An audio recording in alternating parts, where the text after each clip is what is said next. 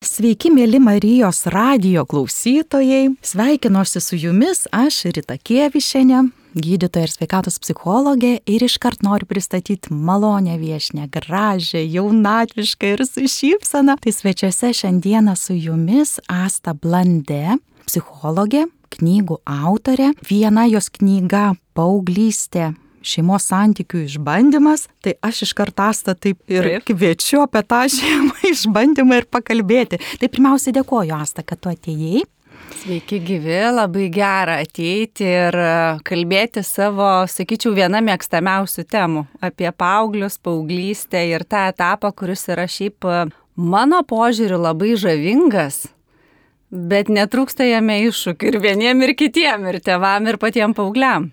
Taip, aš pati kaip esu mama, turinti tris vaikus ir vienas praėjo paauglystę, galbūt jau ir kitas tą laikotarpį, tai man labai padėjo tas suvokimas, nu kas už to laukia, nu taip, taip. taip palengvino mano tą išbuvimą su paaugliais laiką. Taip.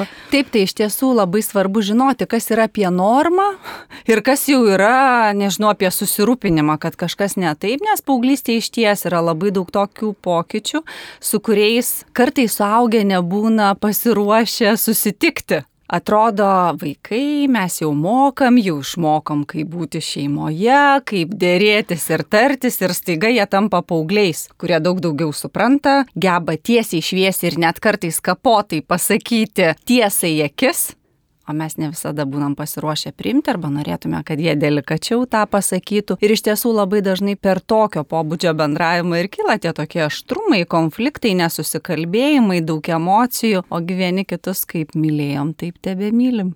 Taip, tai va kaip iš to mažo pukuoto, nu, galimai pukuoto, gal ne visi tie vaikai maži tokie jau labai mėly ir meilus, visokių yra, bet charakteris paauglystės metu tie hormonai labai įtakoja, ar ne, pasikeitimą elgesio. Jie iš tiesų labai įtakoja ir ta mhm. fiziologija, jinai tikrai nėra paskutiniai vietai ir tikrai ne vienas paauglys man pačiai ir, ir savo šeimai yra sakęs, kad aš nežinau, kas su manim darosi aš norėčiau kitaip ir turbūt šitoj vietoje labai dažnai mes kaip suaugę neišlaikom to egzamino, kai sako, aš nesuprantu, kas su manim darosi, o mes kažkur pabėgę, nematydami, kas vyksta, moralizuojam, aiškinam, kaip turi būti, O iš esmėsgi pats paauglys supranta, kaip turi būti, bet jis tiesiog to savikontrolės dar neturi. Ir tada ir jam būna ir skaudu, ir pikta, kad jo nesupranta. Nes viena dažniausių frazių yra suaugę manęs nesupranta mes nesusikalbam. O norisi, kad būtų gerai. Ir tas mūsų noras, kad būtų gerai, kad viskas greitai pasibaigtų, kad tie hormonai greitai kažkaip stabilizuotųsi, susireguliuotų. susireguliuotų. Taip, taip neįvyksta. Ir turbūt, e, sakyčiau, viena pagrindinių užduočių, kuri yra mums visiems - išbūti šalia to spigliuoto, su visais besišiaušiančiais hormonais paauglio. Ir tada, kaip sako, po tos audros atkeliauja vėl šiek tiek ramybė, šiek tiek stabilumo, jau galima kalbėtis, diskutuoti, kaip turi būti ir tada judame į priekį. Taip nes turbūt kas emocijų šokinėjimai, turbūt Taip. ir nesupratimas, kodėl Taip. kartais verkiu, kodėl kartais pykstu. Ir turbūt dar viena tokia, sakyčiau, problema pačiam paaugliui yra jo savivertė.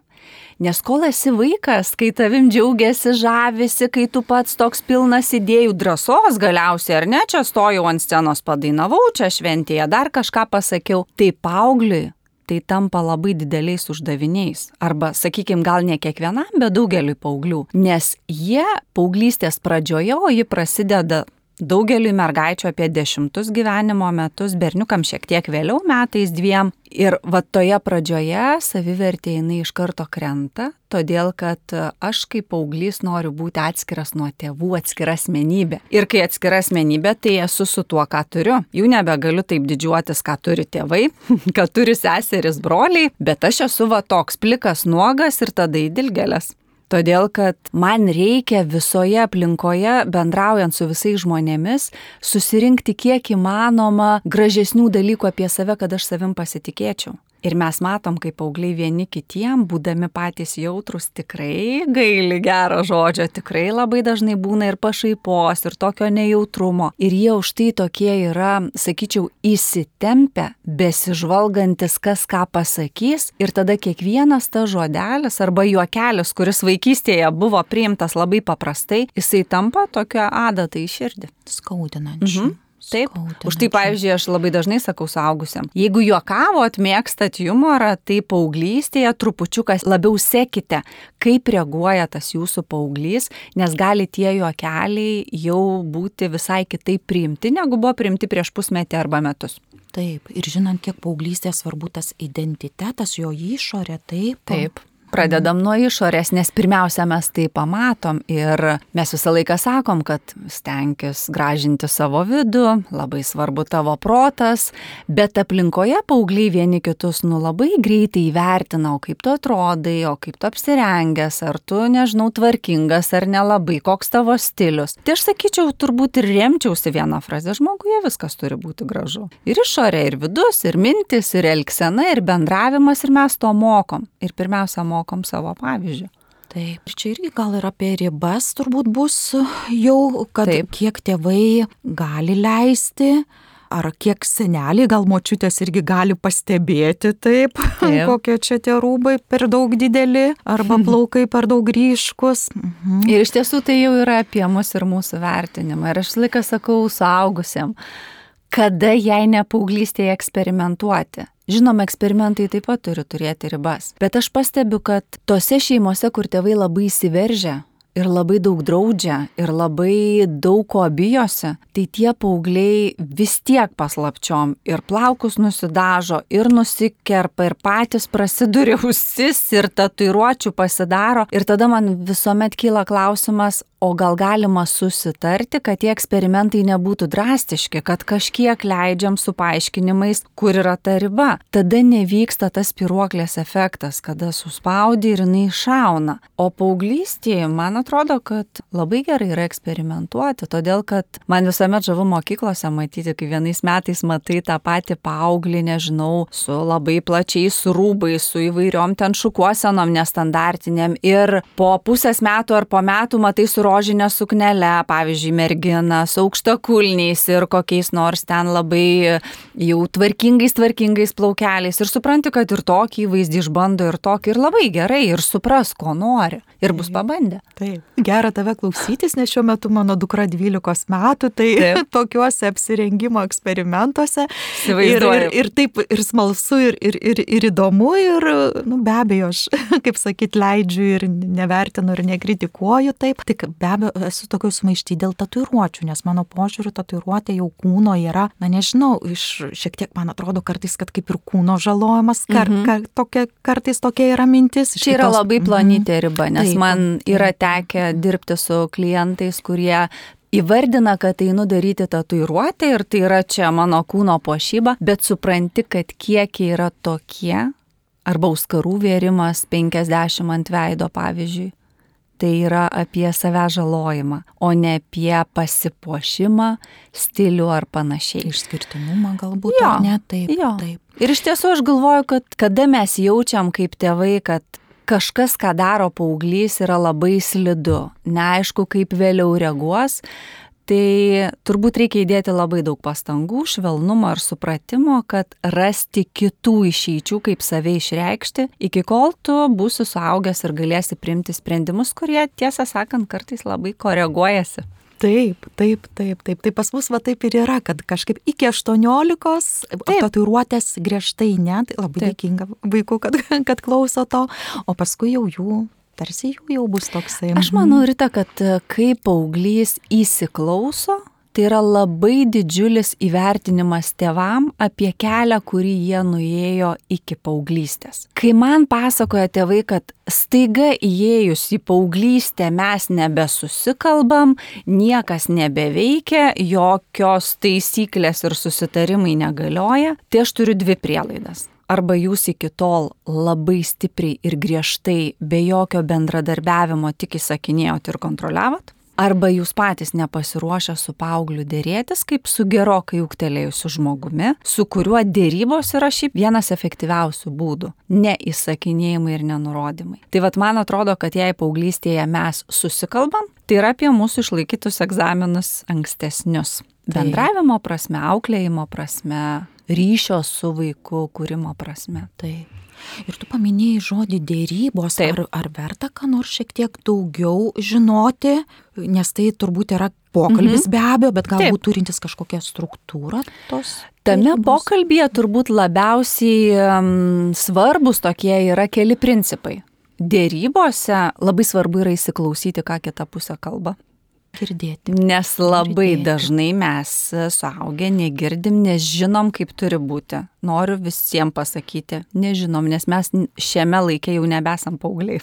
tai įsiklausyti ir tuomet labai daug klausti. Va čia turbūt šalia esantys žmonės tampa tais tokiais um, savotiškais psichologais, kurie domisi ir klausia, o ką tau tatuiruotė gali duoti? Ar yra kitų būdų išreikšti save ir savo stilių? Kas jeigu tu jos neturėsi, ką tu prarasi? Kas įvyks, jeigu aš išleisiu tave į vakarėlį iki pat, nežinau, ten kažkurios valandos, kokie pavojai tavęs gali laukti? Ir kai klausi, tiek klausantis žmogus, tiek paauglys pradeda savo mintis taip pat dėlioti ir girdėti ir kartais sako, ai gal tikrai nėra taip aktualu, ai gal aš galiu palaukti. Bet kai mes sakom griežtai tam ne, tam ne, šito tikrai ne, bet net nesideram, neklausiam, nenusileidžiam, neieškom tarpinių sprendimų, tai tada vyksta toksai, nu kaip kartais šaltas, kartais jau karštas karas, o kare nei viena pusė nelaimi mes galim dabartiniai situacijoje pajusti ir įsitikinti. Taip.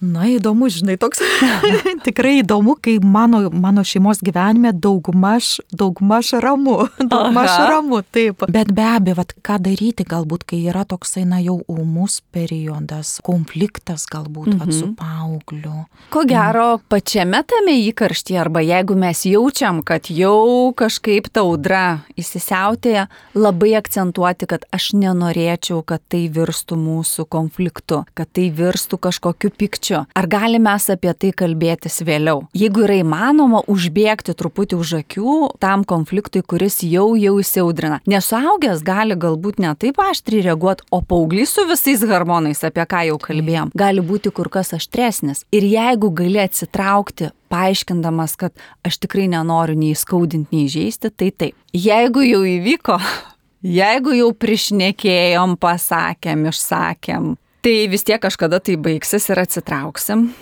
Ir po atsitraukimo reikia atsiminti vieną taisyklę. Už santykių su paaugliu yra atsakingas suaugęs žmogus. Net jei paauglys pabėgo į kitą kambarį, užtrenkė su visais užrašais, kad nesiartinkit mano durų ir mano erdvės, tai svarbu prisiminti, kad raštelis po durimis, žinutė, kad kas be atsitiktų, man yra labai svarbu, kad mes rastume kelią bendrauti toliau. Yra labai va, tas žingsnis, tas parodimas, kad jau aš einu link tavęs, labai svarbus. Nes dažnai man tenka ypatingai beje su tėčiais turėti bėdų, Taip. kurie sako, kol neteis, kol neatsiprašys, kol nepadarys.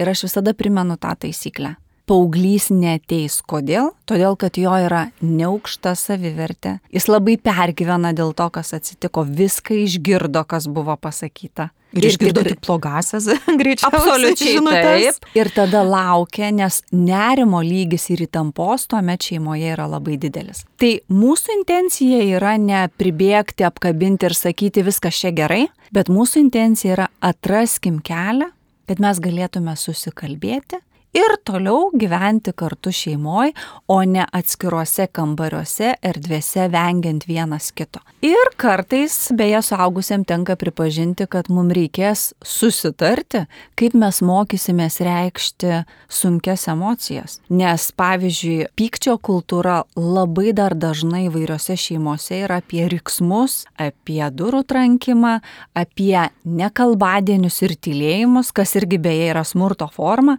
Tai šito aš labai rekomenduoju vengti, nes man pačiai kaip žmogui ir manau, kad daugeliu kitų įtampa kada tu nesupranti, kas vyksta ir nei vienas iš šeimos narių nesima iniciatyvos eiti į santyki, nu yra beprotiškai sudėtinga. Sunki, labai sunkiai pankeliama. Taip, Aš primenu klausytojams, mūsų laidai pusėjo. O, tikrai?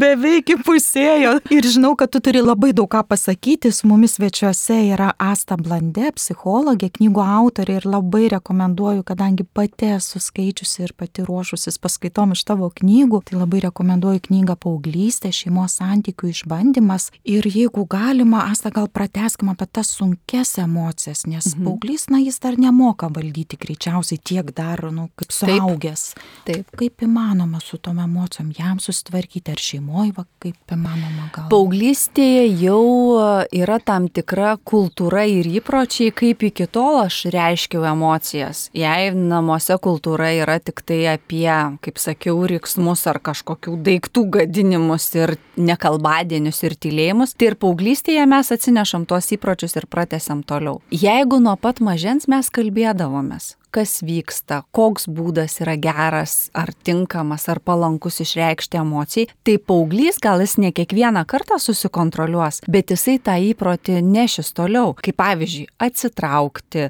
nukeliauti, nežinau, į vonios kambarį truputį apsišlakstyti vandeniu, įkvėpti, iškvėpti, nukeliauti į gryną orą, turėti savo mėgstamus minkštus ten kažkokius žaisliukus, ką beje paaugliai taip pat naudoja. Jei jau aš žinau, kaip ir esu išbandęs, tai paauglystėje reikšti emocijas bus kur kas lengviau. Bet ką pastebėjau, paaugliam yra labai svarbu kalbėtis.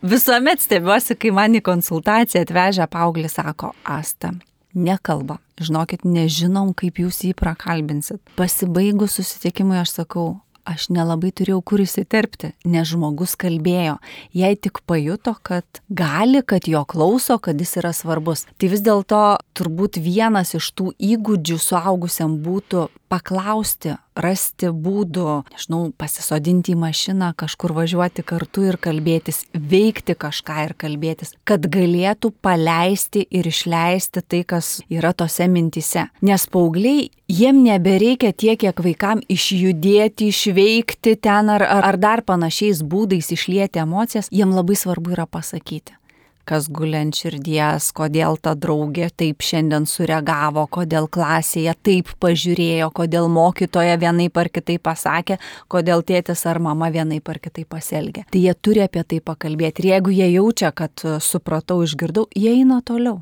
Tai va tas iškalbėjimas, paaugliai dienorašius rašo. Jie ne su sasviniais laksto kažkur, bet jie rašo. Ir e, man atrodo, kad va, tas toksai išreikšti, priimti turbūt vienas svarbiausių emocijų raiškos būdų yra paauglystėje. Taip, ir tėvams gal irgi svarbu suvokti, kad neduoti iš karto patarimą, ne iš karto vertinti, iš karto ten filosofuoti, Taip. tiesiog pasakyti, matau, tu Taip. sumaišty.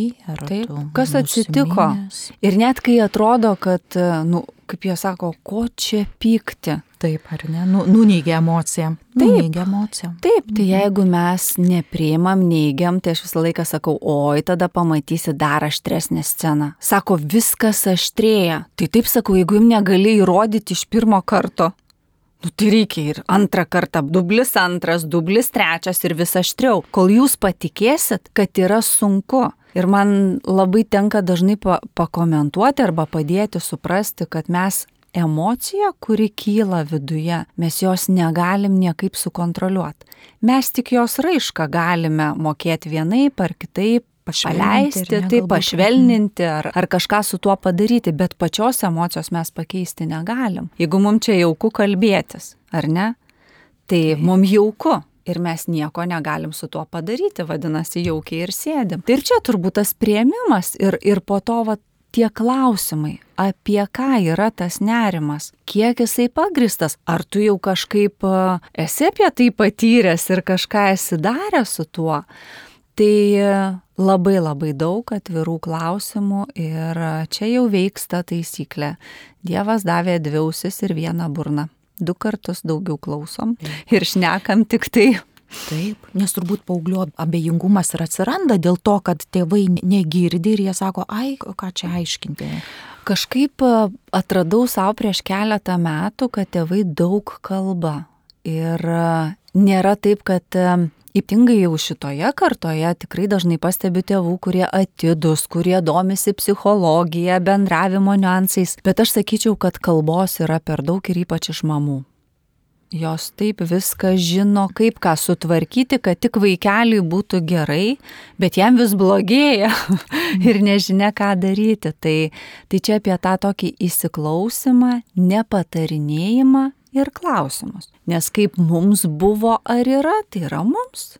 Kaip jam ar jai buvo, yra ar bus, yra tam yra, žmogui. Yra tam žmogui ir yra Taip. toje dabartyje toje dabartyje. Gali tik pasidalinti turbūt, kad kai aš pasiemu dviratį ir išvažiuoju ir gerai pravažiuoju trasą, aš atsipalaiduoju ir man palengvėja. Arba kaip vienas paauglys sako, kai pasiemu savo šunį ir mes gerai prabėgam keletą kartų aplink namus, aš pasijaučiu lengviau ir tai yra mūsų tie būdai. Taip.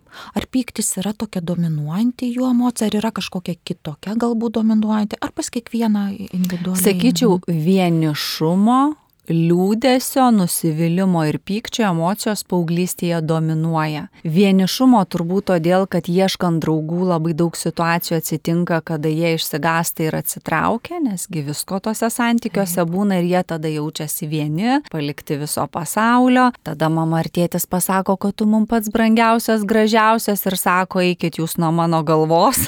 jūs tėvai, tai man jūsų ne, ta nuomonė taip, taip. gal netiek labai imponuoja. Liūdėsio turbūt labai dažnai yra apie tai, kad jie mato ir pamato, praregi labai daug neteisybės, gal nesažiningumo, jų vertinimų, kas vyksta aplinkoje ir jie labai daug sugaudo ir supranta, nes, kaip sakom, vaikų yra toks praktinis mąstymas. Pa, pamačiau, paėmiau, turiu, neturiu, o paaugliai jie abstrakčiai ima mąstyti apie pasaulį, globalius dalykus ir tikrai kartais apima liūdėsys, nes tas gražus rožinis pasaulis, jis įgauna vis įvairesnių spalvų tame tarpe ir tamsesnių. Va, ir aišku, pykčio yra labai daug, todėl kad kai tik tai kažkas peržengia ribas, pamoralizuoja, pasako, kaip turi būti, e, nepriima gal į ratą, tai tuomet tikrai yra labai daug pykčio. Nes pyktis apie ką yra? Mes pykstam, kai kažkas peržengia mūsų ribas. Tai jie vieni kitų ribas tikrina, jie tėvų ribas tikrina, mokytojų ribas tikrina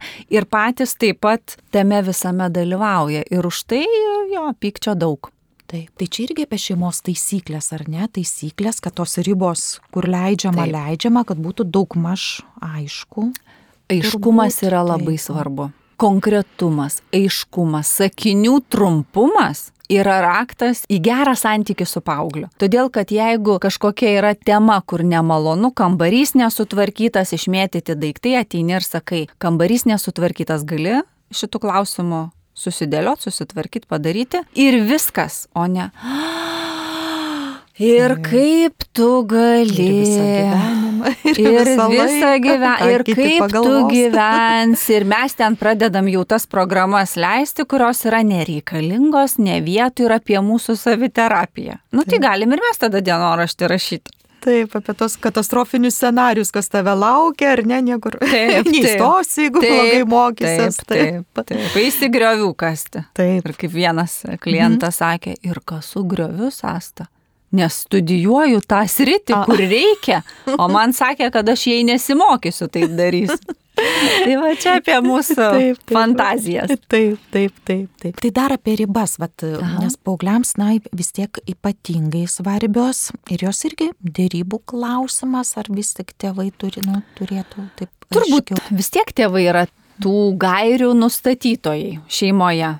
Aš labai dažnai ir mano dukros tą patvirtintų, nes iš manęs tai girdi, sakau, va, čia yra tas klausimas, kur mes nediskutuojam ir kur yra labai aišku, kaip pavyzdys, kelimasis į mokyklą arba keliavimas į mokyklą. Čia nėra diskusijos, bet yra galbūt diskusija, kokį maistą gaminam, kur keliaujam, jeigu tai yra kažkoks reikalas susijęs su šeima. Tai yra tam tikrų gairių nurodymas, tik paauglystėje jau reikia nepamiršti, kad ir mes būsim labai aktyviai stebimi. Ir čia jau prasideda telefonų klausimas.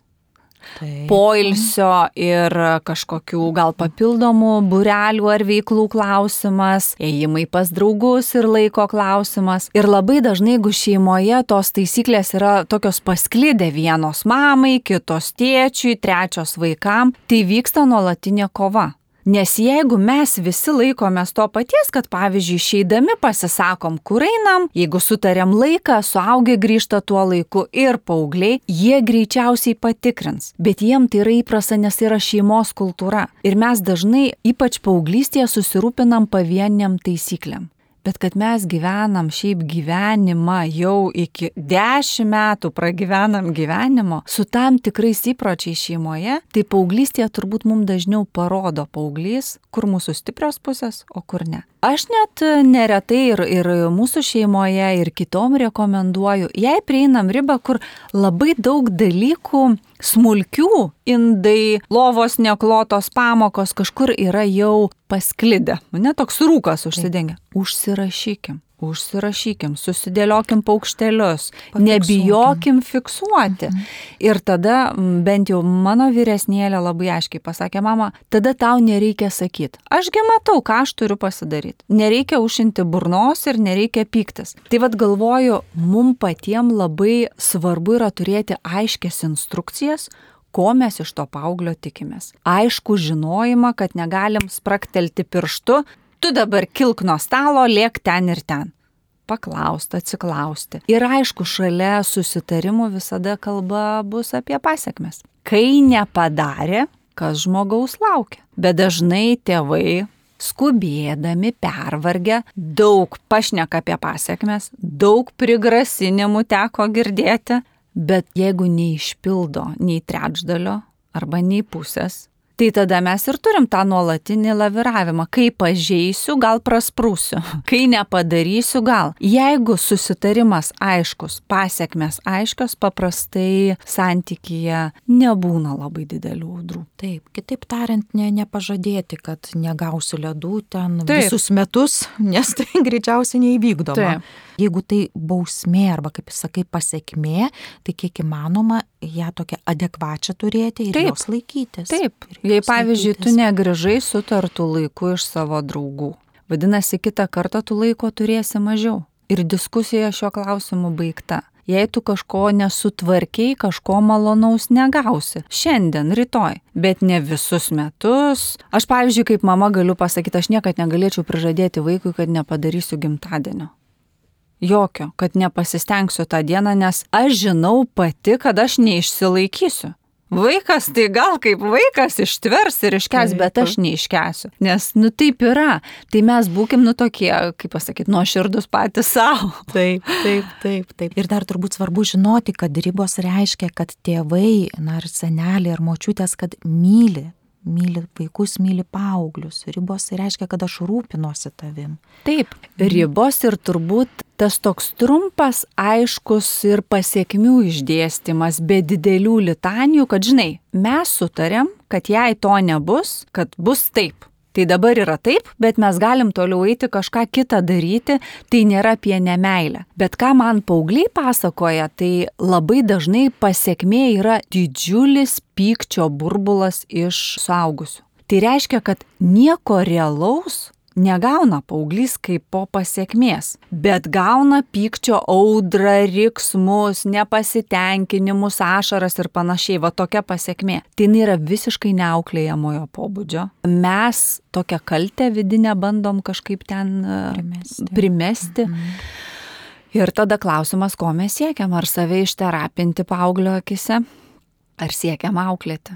Taip, ir e, turbūt dar vienas svarbus dalykas, man nėra taip svarbu, kaip pavadins tėvai pasiekmė ar bausmė, va tą tokią išdavą elgesio. Tik prisiminkim vieną bausmė, tai yra apie kerštą. Nu dabar, kai čiupsiu, tai vad gausi tiek, kad mažai netrodytų. Nu, kad aš taip morališkai jaučiausi padaręs auklėjamą į darbą. Tai čia yra bausmė. Kerštas yra su bausme susiję. O pasiekmė yra konkrečiai apie kažkokį tai dalyką. Jeigu tu mokykloje kažko nedarai, trukdai mokytojui, tai aš kaip tėtis ar mama ar mūsų visa šeima nueis ir paklaus mokytojų, gal gali mūsų vaikas ateiti anksčiau ir jums padėti pasiruošti pamokai, arba atnešti, nunešti, padėti projektą, padaryti temai pasiruošti, nes jisai sutrukdė jūsų darbą. Tai čia mhm. yra pasiekmė, po kurios daugelis nebenori trukdyti. Bet kas būna, kaip tu gali, nu ar tu gali ramiai? Nu, taip Ne Va, kaip, kaip, kaip žinau dabar atveja, kai visai vasarai atimtas mobilus telefonas iš paauglio, taip? Kaip, taip pasiimkim iš savęs ir pažiūrėkim, kaip jausimės. Nu, taip. visur yra apie sveiką protą turbūt, ar ne? Ir, taip. ir auklėjimas, ir bendravimas, ir nebent aš įsivaizduoju atėmimą, kai jau tai yra visiškai nevaldoma, kai tai yra specialistų rekomendacija ir kai vyksta, nežinau, terapijos ar gydimo procesas bet ne kitaip. O kaip su savivertė? Vat, paauglystėje ji labai krenta. Taip. Ir...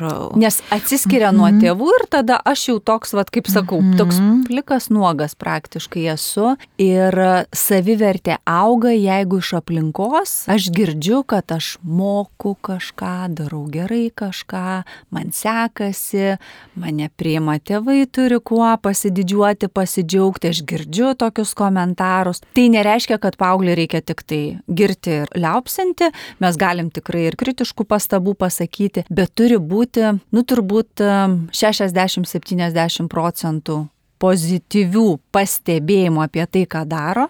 Ir visa kita gali būti kažkas, kur tu turi stengtis, temtis, tobulėti ir panašiai. Ir e, taisyklė psichologijoje yra tokia, ką akcentuoji, tą ir turi. Jeigu pradarai duris, ne ten batai, koinės, kuprinė, blogas pažymys ir visa kita, tai ta dainelė tęsis galėsit kartoti išmokę mintinai. Bet jei mes norim ypatingai, pavyzdžiui, kitokio elgesio, siekiam, kad keistųsi būtų pokytis, tai mes visada akcentuojam tą plonytį dalyką, ką pastebėjo mažyti dalyką, nes pamatėm kažką gero. Oh, kaip susitvarkiai, kaip greitai pasiruošiai, kaip gera, kad jau laiku, nežinau, sėdė automobilį ir mes galim laiku išvykti, kaip gera, kad man paruošiai valgyti, man smagu, aš džiaugiuosi, kaip gera, kad tave turiu. Tai tie dalykai labai įkvėpė ir turbūt paaugliai greičiausiai priema ir arčiausiai savęs prideda tuos pozityvius dalykus. Ir tai augina savivertę tuo metu laikui bėgant supranti, kad, nu taip, kažko nemoku, bet yra atsvara, ką moku, žinau, man sekasi. Bet kaip taisyklė, paauglystėje jie gauna labai daug kritikos, nes vad su tais pigliais, aštrumais, hormonais tikrai yra ką pasakyti, bet aš siūlyčiau, kai nutariam sakyti, tai labai atrinkim. Nes, nu, jeigu man pasako, kaip psichologiai, dešimt pastabų, aš nebenoriu jau nieko daryti nes jaučiu, kad nelabai ką ir čia, be nu ką jau čia be moku. Bet jei man pasako, nežinau, tris, penkis fainus dalykus ir sako, Asta, o čia vad galėtum, nežinau, išmokti, paskaityti, sužinoti, aš imsiuosi. Tai tiesiog per save perleiskim, kaip mums patinka iš mūsų kolegų, vadovų, partnerio ką mums patinka girdėti ir tada sužinosim, kaip elgtis su kitais. Taip. Na, toks įdomus paauglio ir šeimos, ar ne, gyvenimas. Taip. Kartu su paaugliu. O kaip autoritetai? Man labai patinka ta mintis, nes mano sunus paauglystėje turėjo autoritetą mano mamą. Mhm. Aš labai jai dėkinga ir sūnui dėkinga, nes jie tokioj bendrystėje gyveno ir netgi manau, kad sūnus verslumą įgyjo mano mamos dėka, gal netgi sakyčiau taip. taip. Tai man smagu, kad tai buvo ne draugai, kurie galbūt ir neipatingai geru elgesiu pasižymintis. Tai vad su tuo autoritetu ir kaip augliu irgi jaustis, kai tėvai sako, ne, tas draugas negeras, nebendrauko, jis jaučiasi su tuo draugu gerai. Nes autoritetas, na, yra svarbus momentas, turbūt paauglys. Čia turbūt yra dvi temos - apie mhm. draugus tinkamus, netinkamus ir apie mhm. autoritetus. Paaugliai autoritetų ieško kartais tarp labai tokių žinomų žmonių, nežinau, garsių, tokių, kuriuos mes galim matyti, bet jie dairos ir aplinkui. Tai jei su paaugliu turi gerą santyki ir jei, nežinau, savo profesiniais įgūdžiais arba kažkokiu gebėjimu, talentu išsiskiria, jie gali ir šeimos rate aplinkoje fiksuoti, kad čia, o, čia yra žmogus, į kurį aš noriu lygiuotis. Bet paprastai tai turi būti žmogus, su kuriuo yra geras santykis ir kuris supranta mane. Konfliktiškame santykėje, kad turėtų paauglys autoritetą, aš sunkiai įsivaizduoju. Su mamom ir tėčiais retai kada tenka girdėti, kad mama, tu man autoritetas ar tėti, tu man autoritetas, bet būna tokių gražių dalykų, bet tėvai yra labai arti. Ir čia nereikėtų Taip. turbūt nuliūsti, todėl kad mes esame ir apie indus, ir apie pamokas, Visokie. ir apie šventes, ir tikrai Taip. labai intensyvus emocinis gyvenimas vyksta. Tai autoritetų turbūt ieško visur ir vėl, jei mes matom, kad autoritetas mus šokiruoja, tai susėskim, kuo daugiau apie jį sužinokim, išsiklauskim, pažiūrėkim filmus, nežinau, susirinkim kuo daugiau informacijos, kad suprastume, o kas tame yra. Nes kartais autoritetas būna absoliutus maištas, kad parodyti, kad nu, tiesiog nebegali kažko paauglys apsikesti ir jisai sako, va tas, kuris, nežinau, ten dugne, yra mano autoritetas. Bet kartais tai yra maištas, visai ne tai, ką aš lygiuojuosi. Tai toks momentas. O su draugais, tai pasakysiu taip. Visuomeniai sklando mitas, kad paaugliams draugai yra didesni autoritetai negu tėvai. Taip. Tai iškart pasakau, kad tai yra mitas, nes į draugų kompanijas nukeliauja daugiausiai tie paaugliai ir autoritetais draugus laiko tie paaugliai, kurie yra praradę ryšį su savo šeima.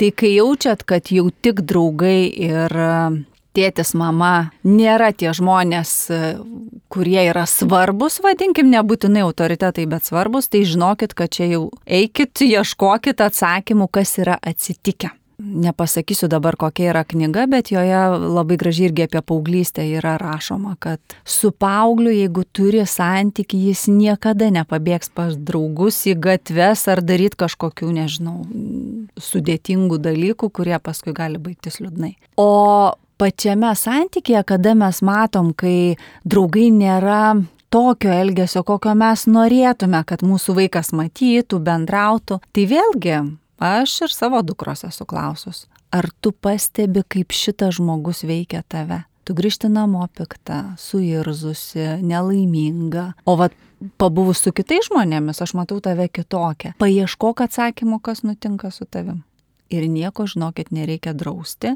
nes jie pradeda stebėti. Ir ne tik šeimoje, bet ir bendraujant su paaugliais, aš laiką sakau, jūs žiūrėkit ir stebėkit, kaip veikia jų žmonės. Ne žmonės, kurie pikti, kurie daro veiklas, kurios yra jau prieš visuomenę. Niekada jums nebus taip, kad jūs jaučiatės gerai ir be nerimo. Bet kartais, va, Einu, nes adrenalino yra, einu, nes ten mane priima. Tai būkim vėlgi nuoširdus patys savo. Tai va čia svarbu yra rasti atsakymus ir priežastį, kodėl, kas mane tame veda ir veža. Ir tuos klausimus labai gerai, jeigu kažkas užduoda iš artimų žmonių šeimoje. Ir tada jie priima patys savo sprendimus. Nes kiek teko matyti šeimų ir girdėti, kurie uždraudė bendrauti, nu nebent išvežė į kitą miestą, bet vėl telefonai, susisiekimas šiais laikais yra toks, kad mes galime įsivaizduoti, kad uždraudėm bet mes nežinom, kas mūsų laukia kitą savaitę ir kokių draugų dar gali atsirasti. Tai geriau mokykim stebėti, kaip tave veikia žmonės ir kai veikia netinkamai, ką tu gali padaryti. Gal tu gali atsitraukti, gal tu gali kitaip sureaguoti, gal tu gali paieškoti kitų. Taip. Asta, mūsų laida, kad ir kaip gaila būtų, eina į pabaigą, kad ir kaip gaila būtų, tai kokie dar šeimos santykių išbandymai būna auginant tą paauglius? Turbūt mes juos didžiają dalimi ir aptariam. Tai yra va, ta tokia emocijų gausa ir stiprių emocijų gausa, kurią svarbu priimti. Dėrybos, o ne nurodymai, ar ne? Turbūt vėlgi apie tą mokymosi motivaciją, kurios neaptariam, nes mokykla yra labai svarbi paauglio gyvenimo dalis. Tai vėl uh, ką mes transliuojam apie mokyklą, apie mokytoją, ar paauglys išeina ramiai, žinodamas, kad tėvai taip pat rūpinasi mokykla, rūpinasi, kas vyksta joje, padeda siekti, ne per nelį kontroliuodami. Draugai, va ta tema. Manau, kad jeigu tai, ką aptariam, paauglių šeimose esantis augę žmonės, o taip peržiūrėtų ir um, sustiprintų tuos įgūdžius, kuriuos kalbėjome įsiklausyti, užduoti klausimus, priimti, už santyki būti atsakingais, sudėti labai aiškias ribas, aš įsivaizduoju, kad ta paauglystė bus vienas gražiausių metų. Ir jeigu dar ieškosit, mėly radio klausytojai, atsakymų, jūs galėsit rasti mūsų pašnekovės knygoje Paauglystėje, šeimos santykių išbandymas. Ir labai noriu padėkoti Asta tau, kad atėjai Gera buvo ateiti. Džiaugiuosi taip. Ir primenu, kad jūs klausėte laidą Renkuosi sutarti. Svečiuose buvo psichologė, knygų autorė Asta Blandė. Iki. Iki.